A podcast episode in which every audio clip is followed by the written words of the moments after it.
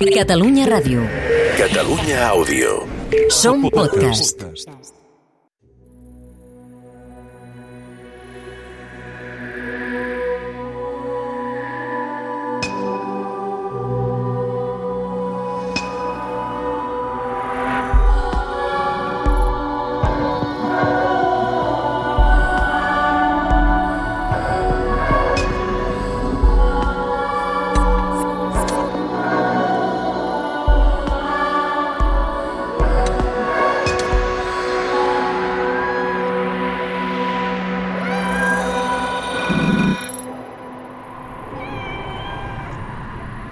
Recordo com si fos ahir el dia que ens vam haver de separar.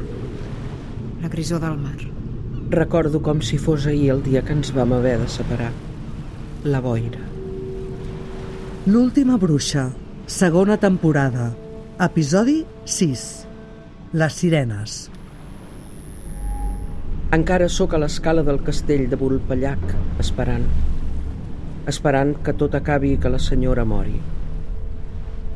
Amb les ferides de la tortura, l'opressió al cor que li provoca la tristesa i dins d'una cambra on ningú hi pot entrar ni sortir, no trigarà a marxar d'aquest món.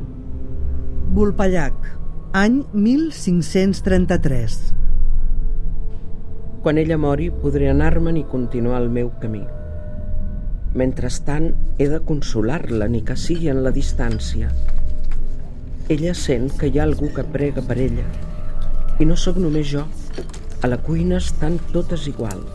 Fan la feina, sí, però els seus llavis no deixen de murmurar pregàries. El castell sencer és una pregària, ara. I ella ho sap, ho sent i ho agraeix en els seus últims moments en aquesta vida. El senyor ha sortit a caçar. El dia és gris i una boira ploranera envolta el castell. La boira em transporta el dia més difícil de la meva vida. El dia que em va fer més mal. Quan ens vam separar sabent que durant molt i molt de temps no ens tornaríem a veure.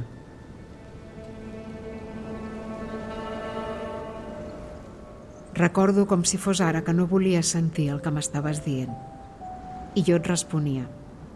No té sentit. Les teves paraules se les han dut el vent. No et sento. I tu em miraves i m'ho tornaves a repetir. Barcelona, segle XXI. I m'ho tornaves a repetir. Llegeix-me els llavis, em deies. No, no vull mirar la teva boca. No puc. Ens haurem de separar durant molt de temps, em va dir. Ens haurem de separar. Durant molt de temps, li vaig dir, i es va quedar molta estona en silenci. Per què? Penyal d'Ifac, Calp, segle XIII. Érem al capdamunt del penyal. Per arribar-hi, un sender primer. I un túnel llarg, fosc i relliscós.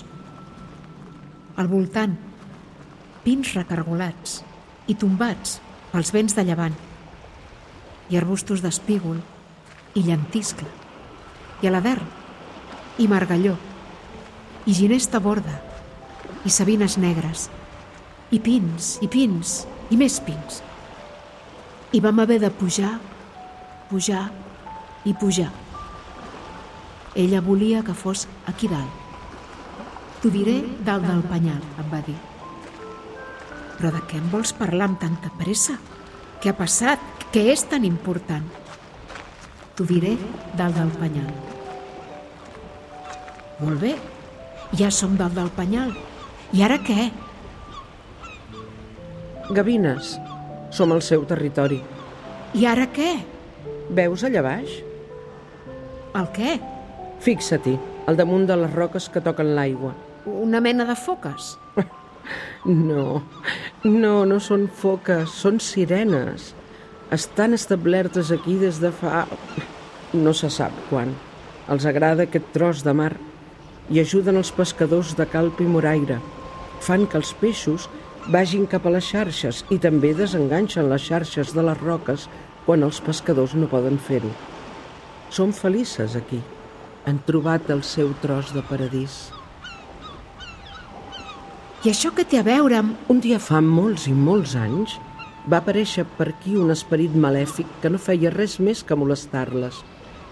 Les perseguia, les assetjava i elles ni podien estar tranquil·les ni podien fer la seva feina.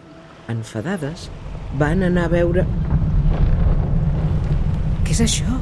No et preocupis, no és res, ara t'ho explico. Enfadades amb l'esperit malèfic, van anar totes juntes a veure Neptú, el déu dels mars, i li van explicar el que passava. Neptú se les va escoltar i els va enviar un esperit també, però un esperit bo. Els dos esperits van començar un combat i les sirenes s'ho miraven assegudes a les roques. L'esperit enviat per Neptú va ferir l'esperit maligne que quan va intentar fugir i sortir del mar va quedar petrificat en forma d'una gran roca. Una gran roca que és el penyal d'Ifac, on som ara mateix.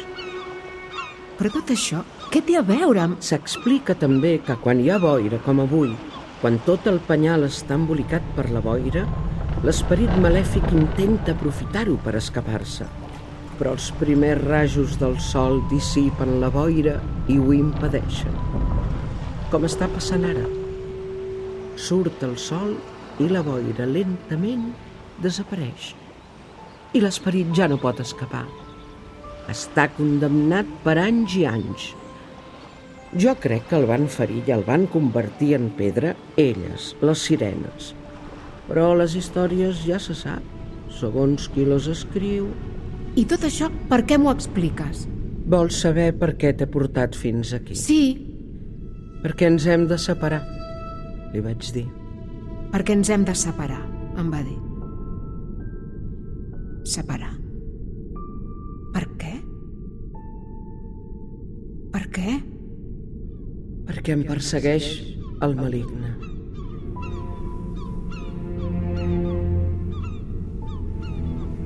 Ho pots tornar a dir? Em persegueix el maligne. Fa molts i molts anys, la primera vegada que ens vam veure, li vaig fer un tall a la cama. És coix gràcies a mi. O potser és millor que digui és coix per culpa meva. Em volia castigar pel mal que li havia fet i em va començar a perseguir.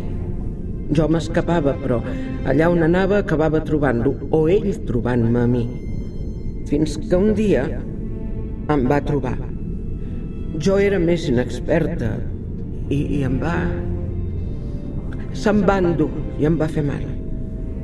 Finalment vaig poder-me escapar i ell va jurar que no pararia fins a tornar-me a trobar. Ara, no sé com, ha sabut que existeixes tu i que jo em moriria si et passés res. I sé que va darrere teu per fer-te mal, per fer-me mal a mi a través teu. Què vol dir que et va fer mal? És molt poderós, Misha. Molt. No podem estar juntes perquè ens trobarà a les dues. Per què no m'ho havies dit? Per no preocupar-te. És per això que hem anat canviant sempre de lloc i de temps. Perquè no ens trobés. Sí, i haurem de continuar fent-ho, però separades. Fins que no pugui destruir-lo, fins que no trobi la manera de destruir-lo, ens haurem de separar. I tu, a més, I jo, a més, què? saps que aquí viu una colònia de gats? Són tan bonics. I ara què ve tot això dels... No. No, no, no i no. Misha, Que no? De cap manera. Jo em quedo amb tu i amb la meva forma original, la d'una dona. una dona preciosa, tot s'ha de dir. Però no pot ser. Et convertiré en gata i t'enviaré lluny de mi, al segle XXI. No, És pel teu bé. no et penso deixar sola. Aniràs a un pis al barri d'Ostafrancs, a Barcelona, a Catalunya. No vull. En un pis on hi viu un noi jove. No, Allà estaràs segura. que no vull deixar-te sola. He fet un sortilegi perquè el maligne no pugui entrar dins d'aquell pis. Em sents? Mentre siguis dins estaràs segura. M'esperaràs allà, m'entens? No et moguis d'allà. Jo faré el que hagi de fer i tornaré a buscar-te, d'acord? Ho prometo. Vols que ho juri? Ho juro. Tornaré a buscar-te. Digue'm que ho entens, Misha. Per favor, mira'm. Per favor, digue'm que ho entens i que em perdones. I això és el nostre comiat? Aquí? Així? No tenim més temps, ho sento. Podríem lluitar contra ell les dues juntes. Tenim més força si estem juntes. Si us plau. Creus que a mi no em fa mal? T'he de protegir d'ell com sigui. Però...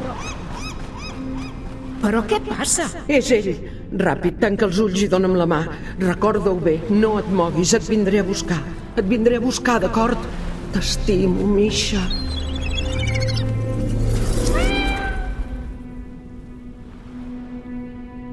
Barcelona, segle XXI. I em vaig trobar convertida en gata en un pati interior i perseguida per una gavina que em picava el cap. Fins que em vaig refugiar al pis que ella m'havia assenyalat. I aquí estic. Esperant-la. És tan dur, esperar. I aquí estic. Amb aquests sòmines que ni tan sols m'ha dit el seu nom. Rafel. Li diré Rafel. Hola, Rafel. Què passa, Rafel? Quina música escoltes, Rafel?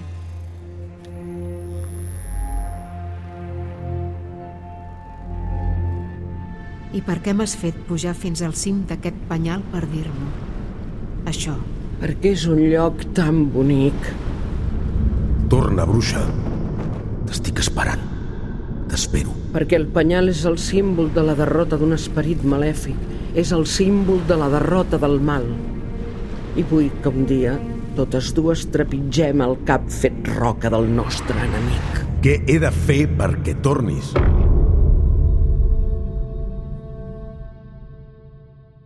Heu escoltat L'última bruixa, una producció del Departament de Cultura de la Generalitat de Catalunya. Amb les veus de Mercè Arànega, David Verdaguer, Chantal Emé i Sergi Vallès. Guions d'Anna Maria Ricard Codina. Direcció de Sergi Vallès i Anna Maria Ricard Codina. Música original de Rafael Plana. Disseny i postproducció sonora de Rafael Plana i Anxo Rodríguez Villar. Fotografia de Pep Salvat. Grafisme de Lídia Sardà. Una proposta de cabuts amb la col·laboració d'ICAT, l'emissora cultural de Catalunya Ràdio. Catalunya Ràdio. Catalunya Àudio. Som podcast. podcast.